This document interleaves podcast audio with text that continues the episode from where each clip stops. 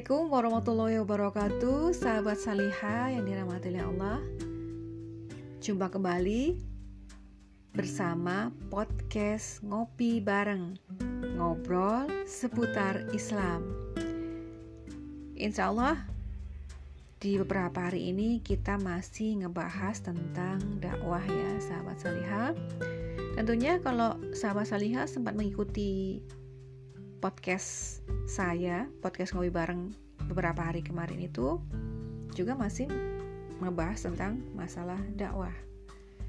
Tentunya masih ingat juga ya para sahabat salihat tentang Quran surat Ali Imran ayat 104. Di mana di situ Allah merintahkan kita itu untuk melakukan perbuatan menyuruh yang berbuat ma'ruf dan mencegah perbuatan mungkar.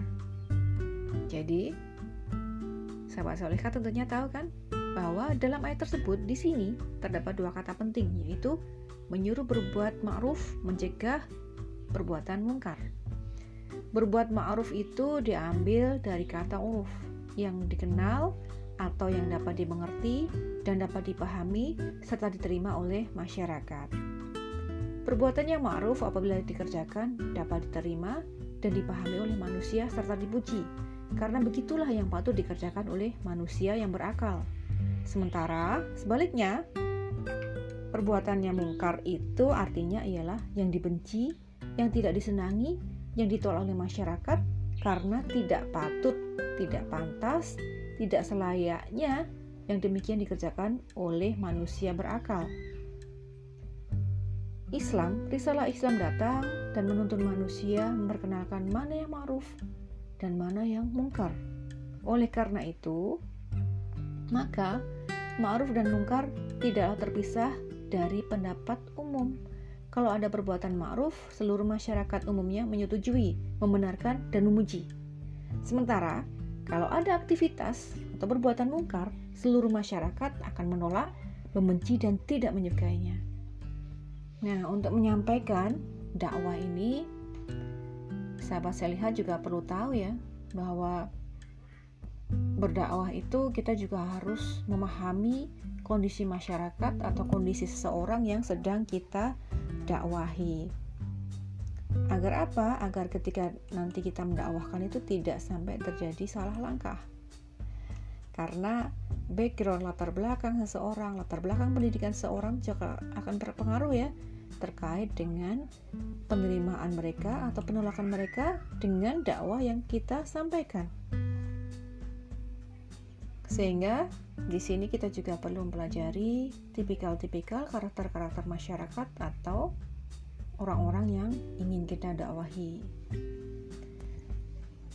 Nah, kita juga perlu pertimbangkan ya, sahabat saliha, mempertimbangkan juga tingkat kecerdasan. Bukan berarti bahwa kita itu kemudian melecehkan satu sama lain atau memilih-milihnya itu berdasarkan ah aku aku pingin mendakwahi orang yang cerdas saja deh. Mungkin lebih gampang. Tidak semudah itu juga ya sahabat solihah jadi di sini kenapa kita mempertimbangkan ya memilih dan memilah itu supaya ketika kita mendakwahkan itu bahasa yang kita pakai itu akan berbeda pembahasannya. Dengan ketika orang yang berpendidikan atau orang yang di kampung dan dengan dengan di kota laki-laki ataupun perempuan orang yang sudah tua atau masih muda, orang yang lebih tinggi taraf pendidikannya, atau dengan orang yang taraf pendidikannya tuh ya nggak sampai mungkin sarjana, mungkin hanya lulus SD kan juga masih ada ya sampai sekarang. Ada yang putus sekolah juga tentunya cara berpikir pola pikir mereka pun berbeda ya ketika kita itu mendakwahkan atau berdakwah kepada orang-orang yang pendidikannya lebih tinggi Nah, sehingga harapannya bahasa-bahasa yang kita pakai itu akan berbeda pembahasan yang akan kita berikan ke tiap masing-masing orang atau masyarakat yang akan kita dakwahi. Nah, terkait dengan berdakwah itu juga ya sahabat salihah. Di sini kita berdakwah itu tidak hanya kepada orang non-muslim saja, orang-orang kafir saja, tetapi kita juga berdakwah pada saudara-saudara kita yang muslim. Kok bisa sih? Mereka kan udah, udah Islam gitu. Mereka udah Islam. Kok ngapain juga kita susah payah mendakwahi mereka? Hai sahabat salihah. Kita perlu tahu ya sahabat kalau saat ini bagaimana orang-orang kafir itu begitu gencarnya berusaha untuk mencuci otaknya kaum muslimin dan kita termasuk juga dulu pada masa-masa jahiliyah jahiliyahnya kita itu kita juga jadi korban dari pola pikir mereka mungkin pola hidup kita gaya hidup kita.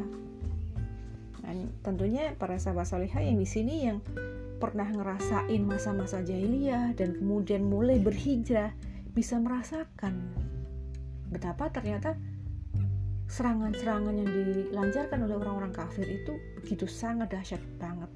Memang sih mereka nyerangnya bukan kemudian menjajah seperti zaman Belanda dulu sih enggak. Mereka datang ke sini terus kemudian tembak dar dar dar dar dar enggak juga sih. Nah yang paling bahaya juga yang kita tuh kadang nggak ngerasa kalau kita sedang diserang itu ya dijajah ibaratnya seperti itu ya. Dengan cara apa? Pola pikir pikiran kita itu ide-ide pemahaman kita sebagai seorang muslim itu berusaha untuk dicuci. Otak kita dicuci dan kemudian diganti dengan pola pikir mereka, diisi dengan pikiran-pikiran ala-ala orang kafir. Kita secara agama ya kita sebagai seorang muslim. Di KTP kita terus sebagai seorang muslim. Namun cara pikir kita cara pikir kita gaya hidup kita itu sudah tidak mencerminkan lagi sebagai seorang muslim nah seperti itu tentunya sahabat salihah pun juga banyak yang tahu ya kalau mengikuti ya perkembangan informasi-informasi terkini. Miris tentunya, apalagi kalau kita melihat bagaimana kehidupan remaja saat ini yang Masya Allah, astagfirullahaladzim, jadi ngenes gitu loh. Miris, ironis. Remaja saat ini, mereka itu berburu dunia itu nggak tanggung-tanggung gitu loh. Kalau kemudian kita tahu bagaimana kondisi-kondisi saat ini, Masya Allah, pengorbanan mereka itu untuk ya untuk meraih dunia itu sungguh luar biasa. Padahal sahabat salihat kita itu tidak selamanya hidup di dunia. Dunia adalah tempat sementara. Sementara hanya sementara sahabat salihat tidak kekal di dalamnya.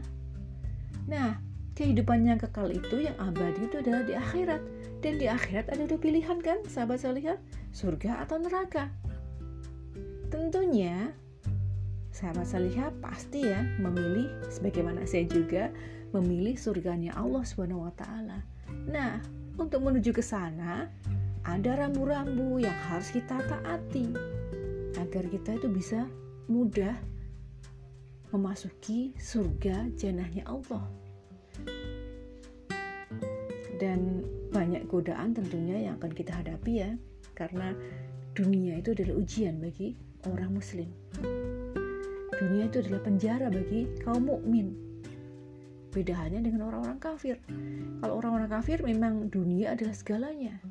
Dunia adalah tempat mereka mencari bahagia dengan berbagai cara tanpa memikirkan halal dan haram. Ya jelas dong, mereka nggak nggak nggak kenal ya yang namanya halal atau haram.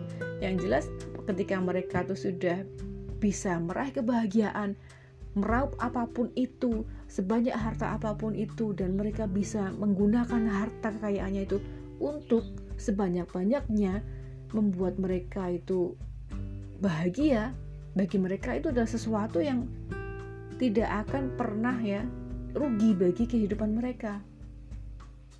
Nah, ini juga yang kemudian dijadikan baik orang-orang muslim itu contoh gitu. Kebanyakan ya saudara-saudara kita kaum muslimin itu mereka tergoda dengan pola-pola orang-orang kafir yang mereka itu kaya secara instan. Kok bisa bisa saja? Karena mereka tidak kenal halal dan haram sebagaimana yang saya sebutkan tadi. Nah ini bedanya ketika kita sebagai seorang muslim tentunya ada rambu-rambu yang harus kita lalui. Boleh apakah orang muslim kemudian kita nggak boleh bahagia? Kita nggak berhak bahagia? Boleh berhak bahagia.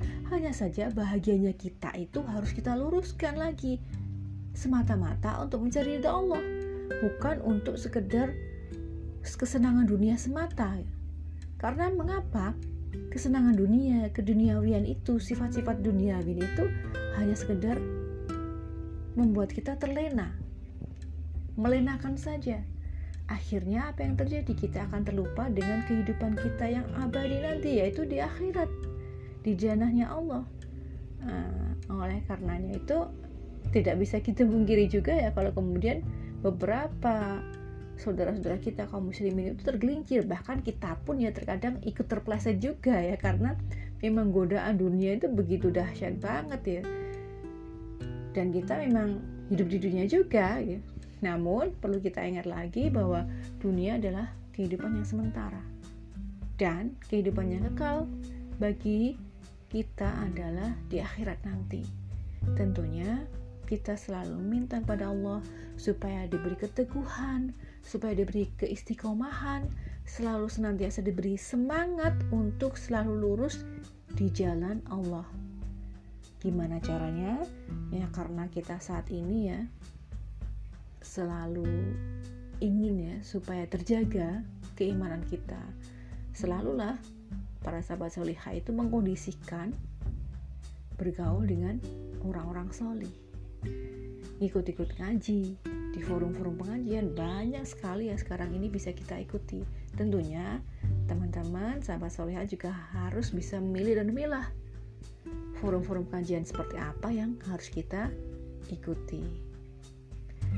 Sehingga kita tidak mudah juga untuk tergelincir dalam hal-hal yang itu justru semakin menjauhkan kita dari jalannya menuju ridha Allah SWT ya mungkin ini yang bisa saya sampaikan kurang lebihnya mohon maaf ya sahabat salihah Ihdinas siratal mustaqim. Kesempurnaan hanya milik Allah.